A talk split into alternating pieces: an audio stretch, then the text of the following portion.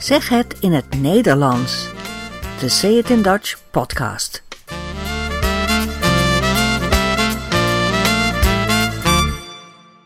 Nummer 38.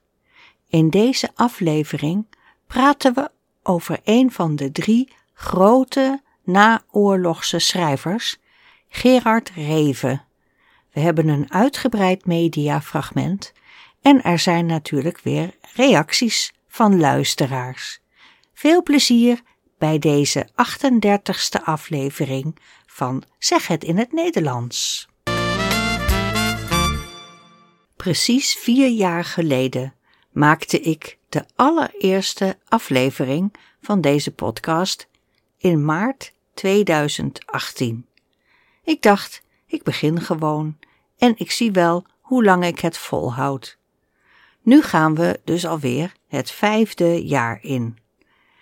In aflevering 1 van 2018 dus praten we onder andere over de Boekenweek, die elk jaar in het voorjaar plaatsvindt. Meestal is de Boekenweek in maart, maar dit jaar, 2022, is hij gepland van 9 tot 18 april omdat dan alle theaters en winkels weer helemaal open zijn. Zo kunnen de schrijvers fijn op tournee door het hele land. In 2020 en 2021 ging dat niet zo gemakkelijk vanwege de coronaregels. In de Boekenweek staat de Nederlandse literatuur centraal.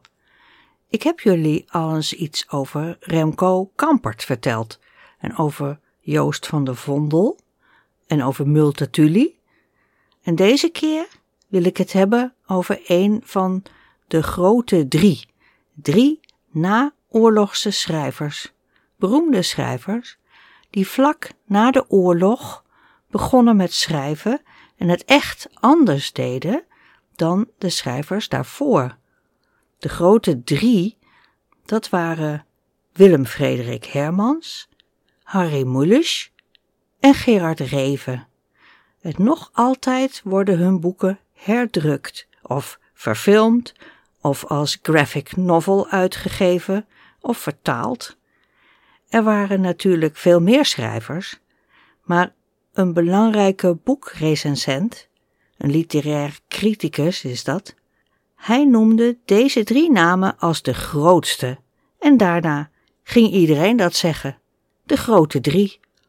Ik dus ook maar. Gerard Reven, officieel Gerard Cornelis van het Reven, is de meest markante figuur van de drie. Volgens sommige Nederlandse literatuurliefhebbers is Gerard Reven de beste Nederlandse schrijver ooit. Er zijn in Nederland echte Revianen, mensen die alle boeken van Gerard Reven hebben gekocht en die ze elk jaar weer lezen en zelfs hele stukken uit hun hoofd kunnen citeren. Echte fans, echte Revianen. Ik zelf ben niet zo'n Reviaan, maar ik wil er toch iets over vertellen, want Revens roman De Avonden is een echte klassieker, ook voor niet-Revianen. Dit boek verscheen in 1947, vlak na de oorlog dus. Op de Engelse editie, het boek is pas 70 jaar later vertaald, in 2016. Op die editie staat geschreven als De Avonden in de jaren 50 in het Engels was verschenen, was het net zo'n klassieker geworden als On the Road van Jack Kerouac of The Catcher in the Rye van Salinger. Maar ja, het was dus jarenlang alleen maar in het Nederlands te lezen. Reven heeft het boek, dus de Nederlandse versie, uh, toen hij ongeveer 70 jaar was, zelf helemaal ingesproken op een CD. Ongeveer 10 uur luisterplezier. De Avonden is een roman waarin eigenlijk heel weinig gebeurt. Ze zeggen wel dat het een roman is over de verveling. Reven beschrijft de deprimerende saaiheid van het naoorlogse Nederland. Frits van Echters, de hoofdpersoon, 23 jaar, beschrijft heel precies wat hij ziet en hoort en denkt en hij geeft zo een beeld van zijn doelloze dagen. Reven beschrijft dat meesterlijk in deze roman. Jonge mensen waren vlak na de oorlog vaak gedesillusioneerd en wisten niet wat ze met hun leven moesten doen. Ze herkenden zich heel goed in dit boek. Frits van Echters probeert iets van het leven te maken, maar het lukt hem niet echt. Hij woont in Amsterdam op een bovenhuis bij zijn ouders en overdag gaat hij naar kantoor en s'avonds luistert hij naar de radio of hij gaat soms naar iemand toe of naar een film in de bioscoop. In tien hoofdstukken worden tien dagen uit zijn leven beschreven. De laatste tien dagen van het jaar, de tijd van kerstmis en oudjaar. Er gebeurt dus niet zoveel, maar je krijgt een goed idee van de gevoelens en de gedachten waar Gerard Reven zelf toen als 23-jarige man mee zat. Het personage Frits van Echters is bang voor de dood. Hij droomt daarover en hij heeft een obsessie met kaalheid. Hij checkt bij zichzelf en bij zijn vrienden de hele tijd of ze al kaal worden, of hun haar al wat dunner wordt of uitvalt als eerste teken van verval. Dat klinkt allemaal heel somber, maar Reven heeft een bijzondere schrijfstijl. Reviaans noemen de fans dat. Een beetje formele taal, maar met een humoristische ondertoon. Niet iedereen ziet die humor van Reven hoor. Toen ik het boek las, was ik zelf 18 jaar of zo en ik begreep er maar weinig van. Maar vorige maand las ik het opnieuw en nu kijk ik heel anders naar dit boek. Ik vind het heel bijzonder en ik las het bijna in één keer uit. Voor mensen die nog Nederlands leren is het lastig om de onderliggende humor te zien, denk ik. Gerard Reven leest dus de avonden voor uh, op een cd en hier hoor je de eerste paar regels. Het was nog donker toen in de vroege morgen van de 22 december 1946 in onze stad, op de eerste verdieping van het huis Schilderskade 66, de held van deze geschiedenis, Frits van Echters, ontwaakte. Hij keek op zijn lichtgevend horloge dat aan een spijker hing. Kwart voor zes mompelde hij, het is nog nacht. Hij wreef zich in het gezicht. Wat een ellendige droom, dacht hij. Waar ging het over? Langzaam kon hij zich de inhoud te binnen brengen. Hij had gedroomd dat de huiskamer vol bezoek was. Het wordt dit weekend goed weer. Het boek is in 1989 verfilmd en dus kort geleden ook in het Engels vertaald als The Evenings. Het is zo Nederlands dat het vaak in het buitenland niet goed begrepen wordt. Maar je kunt het boek ook lezen zonder alles te begrijpen. Het is een mooi beeld van Nederland in de jaren 40 en 50, toen mensen nog naar de radio luisterden en een muntje moesten gebruiken om elektriciteit te hebben in het huis. De avonden was Revers allereerste roman. Hij rilde, stond op, liep weer de keuken in en nam uit de broodtrommel twee kadetjes, waarvan hij het eerst in een paar happen in de mond propte en het tweede tussen zijn tanden zette, terwijl hij de gang inliep om zijn overjas aan te trekken. Een heerlijke, verkwikkende ochtendwandeling, mompelde hij. Bij het afdalen van de trap kefte een hond bij de benedenburen, toen hij hun deur passeerde. Hij trok de straatdeur zacht dicht en volgde de met ijs bedekte gracht tot de rivier, die, uitgezonderd in het midden, met een donkere ijslaag was toegevroren. Er was weinig wind. Het was nog niet goed licht, maar de straatlantaarns waren al uit. Op de dakgoten zaten rijen meeuwen. Hij wierp het laatste stuk van het kadetje, dat hij tot een balletje had gekneed, op het ijs, en tientallen van de vogels daalden neer. De eerste die het wilde oppikken miste. Het stuk brood kwam in beweging, rolde in een klein wak en zonk, nog voor een volgende meeuw ernaar had gepikt. Een kerktoren gaf één slag. Een vroege dag, een welbesteden dag wordt het, dacht hij, rechts afslaand en de rivier oevervolgend. Het is koud en vroeg en niemand is nog buiten, maar ik wel. In de avonden voelt Frits zich nergens echt thuis. En vaak komt hij bij vrienden binnen en dan wil hij eigenlijk meteen alweer weg. Kijkt hij op zijn horloge.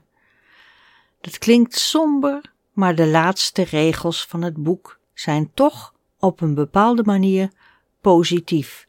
En de laatste woorden worden heel vaak nog geciteerd door de Revianen.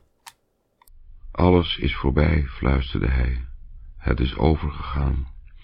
Het jaar is er niet meer. Konijn, ik ben levend.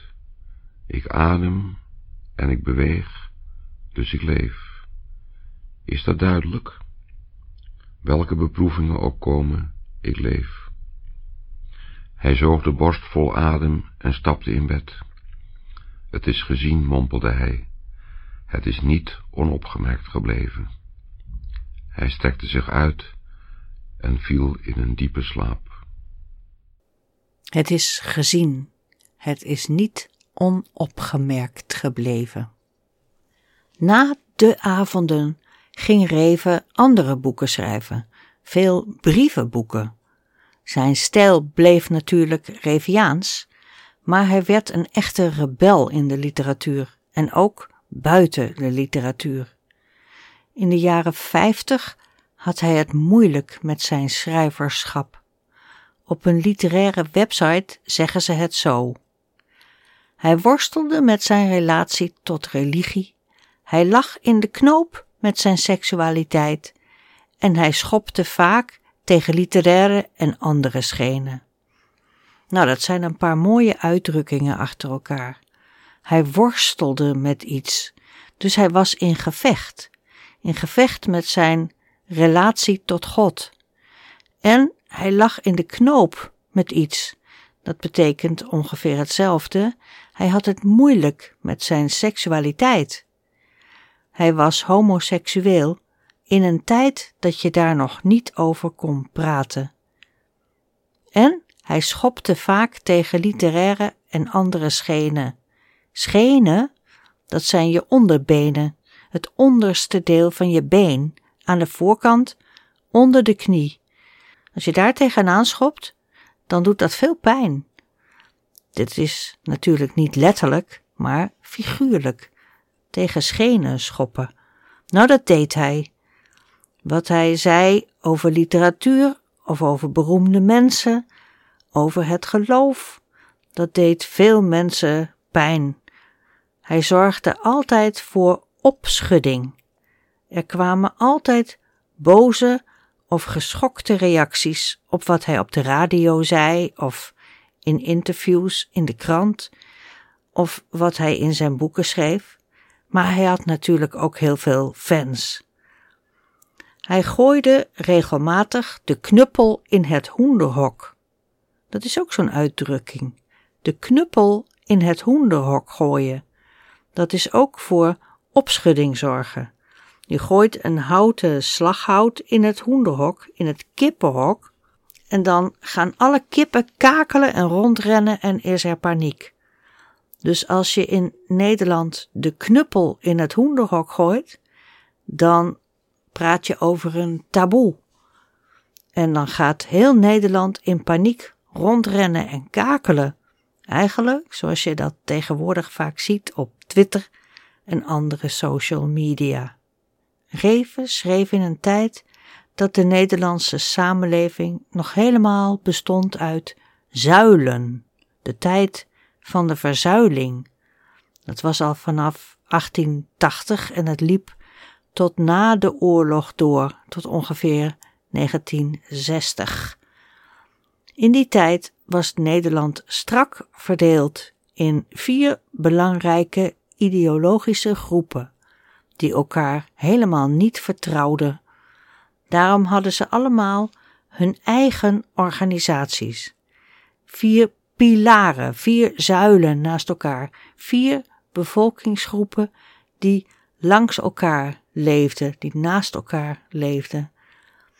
Er was een zuil van katholieken, er was een zuil van protestants-christelijke mensen, er was een rode zuil van socialisten of sociaaldemocraten of communisten, en een zuil van liberalen of neutralen.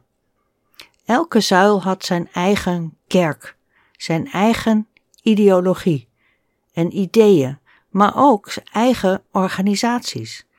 Er waren katholieke scholen, katholieke universiteiten, zoals in Nijmegen of Tilburg, katholieke voetbalclubs, katholieke wandelvereniging, katholiek ziekenhuis, katholieke begraafplaats, katholieke scouts, katholieke kranten, zoals de Volkskrant, en omroepen, radio, tv, etc. Alles. En daarnaast waren er protestantse scholen, protestantse universiteiten, zoals de Vrije Universiteit in Amsterdam, protestantse kranten, zoals Trouw, protestantse wandelverenigingen, radio, tv, etc. En dat had je ook bij de liberalen en dat had je ook bij de socialisten. Vanaf het eerste begin in je leven tot het einde van je leven kon je dus met alles in je eigen zuil, in je eigen kolom blijven, van de wieg tot het graf. Dus overstappen op een andere zuil was eigenlijk niet zo makkelijk. En trouwen met iemand uit een andere zuil werd ook niet altijd gewaardeerd.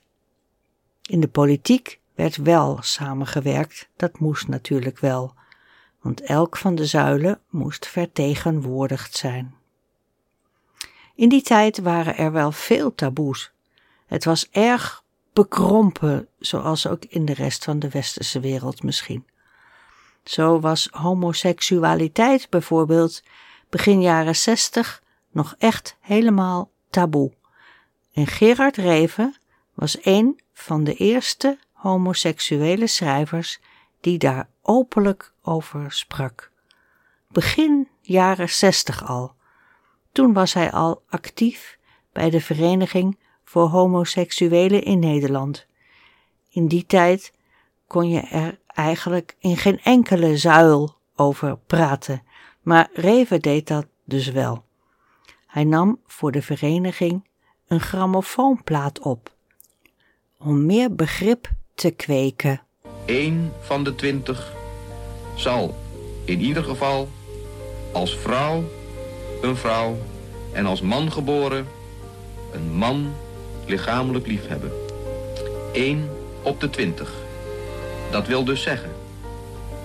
Eén op de twintig in uw straat. Eén op de twintig in uw club. Eén in de, jaren zestig werd Reven zo een soort boegbeeld, een icoon van de homo-erotische liefde. Het was een deel van zijn leven en dat kwam dus ook in zijn literaire werk naar voren. Met uh, alle expliciete details.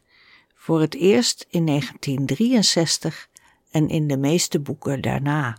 Toen de jaren zestig begonnen, in de hele westerse wereld was dat een turbulente tijd van revolutie, van studentenopstand in mei 1968 in Parijs, van hippies, flower power, van jongeren die hun eigen keuzes gingen maken, van het veranderen van universiteiten en scholen, van taboes doorbreken en de tijd van vrijheid, blijheid. En ook de tijd waarin die strakke zuilen in Nederland werden neergehaald. Veel mensen verlieten de kerk. Er kwamen protesten tegen de manier waarop de universiteiten werkten. En de trend was veel individuele vrijheid en minder religie. De kerk was uit de mode en jonge mensen braken met hun geloof. Maar wat deed Gerard Reven? In 1966 werd hij juist katholiek. Hij werd lid van de katholieke kerk, terwijl anderen juist de kerk verlieten. Dat was geen stunt, hij meende het echt. Hij vond de verering van Maria bijvoorbeeld geweldig. God, liefde en de dood zijn belangrijke thema's in zijn werk. Maar in zijn boeken ging hij wel op een heel bijzondere manier met God en liefde en erotiek om. Dat was schokkend voor heel veel religieuze mensen vooral. En op een gegeven moment beschuldigden een paar politici Gerard Reven van godslastering, van blasfemie. Hij moest voor de rechter komen.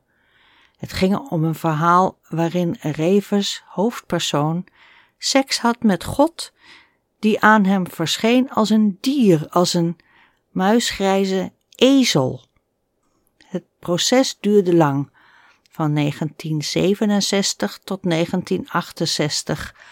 Er was ook nog een hoger beroep en het proces kreeg de naam ezelproces. En het ging over de vrijheid van meningsuiting, de freedom of speech, de vrijheid van godsdienst en wat je wel en niet mocht zeggen als schrijver in een werk van fictie. Hij werd uiteindelijk vrijgesproken. Het was namelijk literatuur, zei de rechter, het was geen godlastering. Een jaar later kreeg hij van minister Marga Klompé de staatsprijs. Deze minister van Cultuur was zelf heel religieus, maar ze gaf hem toch de belangrijkste literatuurprijs van Nederland, de PC Hoofdprijs. Het besluit had ze wel even laten wachten, totdat de rechter in het ezelproces een uitspraak had gedaan. Want de Nederlandse staat kon natuurlijk geen prijs geven aan iemand die aan godlastering deed. Iemand die door streng gelovige mensen gezien werd als de duivel zelf. Maar mevrouw Klompé had de pleitreden gelezen en was het helemaal met Gerard Reven eens. Het gaat om de bedoeling van de schrijver, de auteur, zegt ze, en niet om de opvattingen van de lezers. Met u meen ik dat de bedoelingen van de auteur en niet de opvattingen van bepaalde lezers prevaleren. Gerard Reven kreeg de prijs van deze minister in de hand gedrukt. En wat deed hij? Hij kuste haar op beide wangen. Dat was natuurlijk heel bijzonder om een minister te zoenen. Dat deed je in die tijd niet met ministers. En misschien ook nu nog steeds niet. Maar Reven deed het dus wel.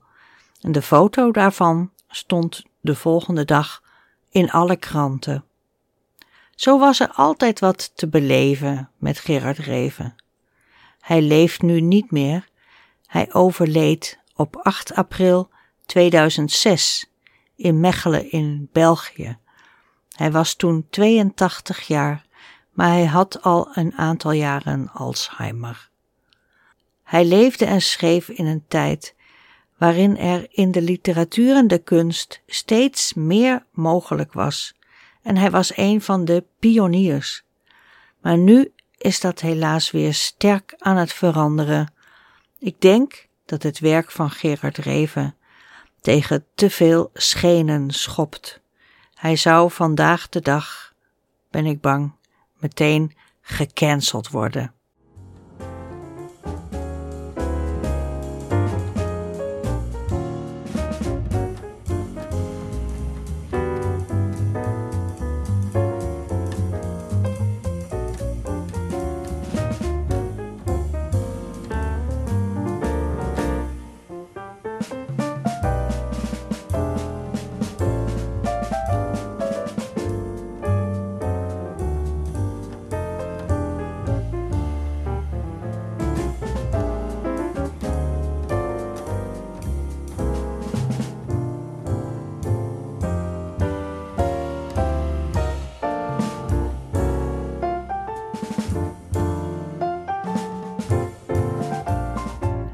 Heb weer een paar leuke reacties gekregen, een paar leuke e-mails. Bijvoorbeeld van uh, Thomas. Hoi, ik hou van jouw podcast, schrijft hij. Mijn vriendin komt uit Limburg en je podcast helpt me erg om niet alleen de Nederlandse taal te verstaan, maar ook om de Nederlandse cultuur te begrijpen. Ik hoop op nog veel afleveringen. Hartelijk bedankt en groetjes uit het Zwarte Woud. Dat is in Duitsland, denk ik. Klopt dat, Thomas? En dan een, briefje van Alex. Ze schrijft me in het Engels, dus ik vertaal even. Geweldig werk. Ik heb lang naar zoiets als dit gezocht. Een interessante manier om Nederlands te leren, niet via de klassieke, saaie handboeken. Ga alsjeblieft zo door. Nou, dankjewel, Alex. Dan een wat langere mail van uh, Sayantani. Die kan ik niet helemaal voorlezen, denk ik. Dat is een reactie op aflevering 36. Die ging over de mode. Weet jullie nog? Ik vond deze aflevering erg interessant, zegt ze.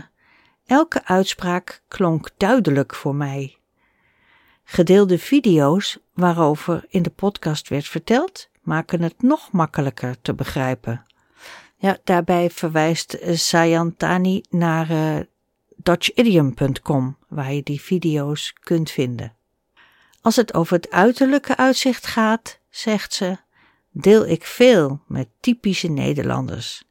Ik kleed me heel gewoon. Vaak draag ik volgens de voormalige, de vroegere mode, omdat ik niet een ernstige volger van de laatste mode ben. Haha, nou dan zit je in Nederland helemaal goed. Dank je wel voor je bericht. En een briefje van Tatjana. Ik ben zelf Koreaans, zegt ze. Ik ben geboren en opgegroeid in Kirgizië, waar ze Russisch spreken. Toen ik zes jaar geleden naar Nederland kwam, ben ik begonnen met Nederlands leren. Daarmee ben ik nog steeds bezig. Boeken, woordenschat, grammatica. Vroeger luisterde ik nooit naar podcast, maar op een dag wilde ik iets Nederlands in Spotify opzoeken. Daar heb ik gelukkig uw podcast gevonden. Ik heb de eerste aflevering beluisterd en het viel echt mee. Gisteren heb ik de laatste aflevering beluisterd, nummer 36, en ik hoop dat nog meer afleveringen komen. Nou, Tatjana, ik kan je gelukkig zeggen dat dit alweer aflevering 38 is. Je Nederlands is al heel goed, ga zo door. Dank je wel voor je bericht. En een berichtje van Torsten. Hoi, hoe gaat het met jou? Ik hoop goed. Mijn naam is Torsten en ik kom uit Duitsland. Omdat mijn vrouw en ik het Nederlands en de Nederlanders heel leuk vinden, leer ik sinds twee jaar Nederlands. Je podcast is een grote hulp. Door je duidelijke uitspraak kan ik bijna elk woord begrijpen. Ik leer ook veel interessante dingen over Nederland. Helaas is Nederlands spreken in Nederland niet zo makkelijk. Als Nederlanders horen dat ik uit Duitsland kom, spreken ze meestal Engels met mij. En mijn Nederlands is nog niet zo goed dat ik insist, of je bedoelt dat ik erop sta om verder Nederlands te spreken. Maar met de hulp van je podcast komt daar hopelijk verandering in. Dankjewel en blijf gezond, zegt hij. Nou, hartstikke bedankt voor je reactie. Je moet gewoon zeggen: spreek Nederlands met mij. Of je zegt: zeg het in het Nederlands, meneer. Of zeg het in het Nederlands, mevrouw. Nou, misschien gaat het dan goed. Iedereen weer heel erg bedankt voor de donaties en de reacties. Superleuk. Je mag gewoon schrijven. Je hoeft niet de hele tijd te zeggen hoe leuk je de podcast vindt. Je kunt ook gewoon wat vertellen over jezelf in het Nederlands of in het Engels. Het maakt niet uit. Je kunt je bericht sturen via dutchidiom.com. Daar vind je het kopje reageer. Alvast bedankt. Kunt u dat herhalen? Kunt u dat herhalen? Kunt u dat herhalen? In deze rubriek laat ik iets horen wat op de radio of op de televisie is geweest. En daarna kunnen we erover praten. Dit fragment komt uit het televisieprogramma 1 euro per gesprek van Bert Kuizinga. Daarin gaat de presentator op een stoeltje zitten op een op straat, op de markt of een plein. En mensen kunnen dan 1 euro in zijn bakje doen om even te praten. En de mensen kiezen zelf iets wat ze graag willen bespreken. Dit is dan Marie-José, een vrouw van een jaar of zeventig, denk ik. En zij wil het graag hebben over de eerste lockdown in de pandemie, die van maart 2020, twee jaar geleden. Dat is helaas geen vrolijk verhaal. Toen werden hier in het land alle verpleeghuizen voor oude mensen gewoon helemaal op slot gedaan. Soms zelfs met een hek eromheen en de deur op slot. Niemand mocht erin of eruit, behalve het personeel. De oude mensen, vaak dement of met de ziekte van Alzheimer, ze konden geen bezoek meer krijgen. Ze werden opgesloten en niemand mocht erbij, ook geen familie. Zelfs niet als ze bijna doodgingen, als ze op sterven lagen. Dus er stierven mensen helemaal alleen. Heel verdrietig. Het gesprek met Marie-José is buiten op een pleintje bij de Sint-Jans-kathedraal in Den Bosch. De presentator vraagt: Waar wilt u het over hebben? Eigenlijk het liefste over die vreselijke lockdown. De lockdown van het verpleeghuis. Ja, want? Maar mijn man die is in eind oktober 2019 naar het verpleeghuis gemoeten. Ja. En, wegens Louis, de, uh, Louis body dementie. Mijn man moest eind oktober 2019 naar het verpleeghuis, zegt ze, wegens Lewy body dementie. Dat is een bepaalde vorm van dementie. Zwaar om voor te dat zorgen. Dat was heel zwaar. Ja. Maar op een gegeven moment kon dat niet meer. Hij kon ook niet meer lopen. Ik kon niet meer thuis. Dus heb ik hem daar naartoe gebracht. Ik word er nog heel emotioneel ja, van dat begrijp ik. natuurlijk. Ja, want je wil je man niet wegbrengen natuurlijk. Nee. Nee. Ze wordt er nog heel emotioneel van. Nee, dat begrijpt eh, de gespreksleider. Hij zegt: Je wilt je man niet wegbrengen, natuurlijk. Nee, in maart. Maar toen met de lockdown. Toen was van de een op de andere dag dat ik er niet meer naartoe mocht. Ik mocht je er iedere- meer zien. Ja. Ja. Ik mocht er iedere, ja, ik ging er iedere dag naartoe. Ik ging Ja. met hem naar het zingen, eh, wandelen. En, Hij wist nog wel wie jij was? ja, ja, ja, heel goed. Ja. Dat moet vreselijk geweest zijn voor hem, maar ook voor jou. Ja. En dat vind ik nog steeds, dat hadden ze niet mogen doen. Ik ging er iedere dag naartoe, met hem zingen en wandelen. En toen van de ene op de andere dag mocht dat opeens niet meer. En de gespreksleider zegt: Dat moet vreselijk geweest zijn voor hem, maar ook voor jou. Ja, zegt ze, ik vind nog steeds dat hadden ze niet mogen doen. Ze hadden in ieder geval één persoon, want die meisjes die, die gingen s'avonds naar huis. Ja. De verzorging bedoel je? De verzorging, die, had, die had nog geen mondkapje, die had geen, niks, geen, geen, geen eh, beschermingsmiddelen. De verzorging ging s'avonds naar huis en Marie-José zegt ze hadden in ieder geval één persoon moeten toelaten. Hoe ben jij die periode doorgekomen? Hoe ben jij die periode doorgekomen? Niet? Ja. Nee, Ja, ik, dat- ik kreeg corona. Oké. Ik zat dag en nacht alleen thuis. En het, het was En jouw man zat alleen in het En mijn man zat in het verzorgingshuis en we konden alleen maar bellen. Ja. En, en Eh, ja, videobellen, dat kon ik ook niet. Als je erop terugkijkt, hoe, hoe zou je het gewild hebben? Hoe zou het wel gekund hebben? Want je had al corona op een gegeven moment. Hoe zou je het gewild hebben? Hoe zou het wel gekund hebben? Want je had op een gegeven moment al corona gehad.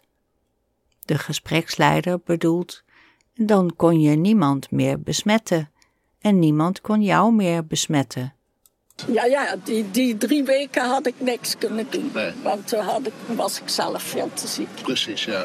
Maar ja, dan die weken die daarna komen, hè, dan, dan, dan mag je niks, je kunt niks. Nee, terwijl je zou zeggen van je hebt corona gehad. Ja, ja maar dat was toen helemaal niks. Nee, nee, nee, dat was Er was niet doorheen te komen. Ja, Er was niet doorheen te komen. Kijk, dat is eh die eerste maanden, ja. En toen, op een gegeven moment is die dus om, eh, in mei, op, op 6 mei, belden ze me van, nou, het gaat niet goed. En toen eh, is hij op 12 mei overleden. Op 6 mei belden ze op dat het niet goed met hem ging. En op 12 mei, dus zes dagen later, is hij overleden. Mocht je daarbij zijn?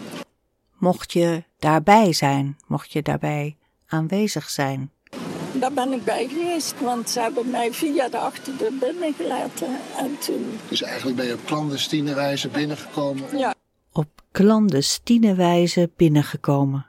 Clandestien betekent dat het illegaal is, dat het verboden is, maar je doet het toch. Marie-José begreep ook niet waarom het niet mocht. Haar man had geen COVID, geen corona, dus hij kon niemand besmetten. En zij ook niet, maar toch mocht niemand hem bezoeken. Bij het overlijden van je hij, man hij zijn. had ook geen corona. Nee. Nee, hij is gewoon helemaal, helemaal van... En hij was aan het einde van zijn leven. Ja, hij zei altijd vroeger van als ik er niet meer ben, Ja. Dan laat je me maar fijn naar, zelf naar de crematie gaan. En dan ga jij lekker eh, met je familie een wijntje drinken en een beetje gezellig koffie drinken. En dat zei hij altijd. Oh ja? Ja, En hebben jullie dat gedaan? nee, kon niet. Het kon, mocht natuurlijk niet. Het kon niet. niks. Je kon niks. Niks. Mijn huis? familie stond hier op het plein. Is, jou, is jouw man hier begraven? Ja, hier eh, Of gecremeerd? of in- ja, Is jouw man hier begraven of gecremeerd? Ja, zegt ze, de uitvaart was hier, in deze kerk. Ja. Ja, ja, de, Maar de dienst- uitvaart de was uitvaart- hier. ja, ja, in deze kerk. Want mijn, mijn kinderen zeggen, wat was jij kwaad? Ik zei, ja, Mijn kinderen zeiden, wat was jij kwaad? die lijkwagen kwam. En die kist werd erin geschoven. En wat zeiden ze? Ja, u mag de deur dicht doen. Ja, die lijkwagen kwam, dus de auto van de begrafenis. De kist werd erin geschoven en wat zeiden ze? U mag de deur dicht doen. Oh, Dus die, ik heb die deur een map gegeven. Enorm. Dus ik flinke map gegeven aan die deur. Die lijkwagen ging naar het crematorium en wij stonden daar, hier op het plein. je hebt het wel voor je kiezer gekregen, zeg. Je hebt het wel voor de kiezer gekregen, zeg. Dat is een uitdrukking. Dat betekent, je hebt wel een moeilijke tijd gehad. Ja, dat was, dat was zo bizar. Ja. Nou, hou hem in gedachten. Dankjewel. Nou, En een fijne dag nog. ja, dankjewel. Tot Dag. ziens. Dag. We zijn aan het einde gekomen van deze aflevering. Hartelijk bedankt voor het luisteren. Lees meer, doneer, reageer en abonneer je op www.dutchidiom.com. Tot ziens!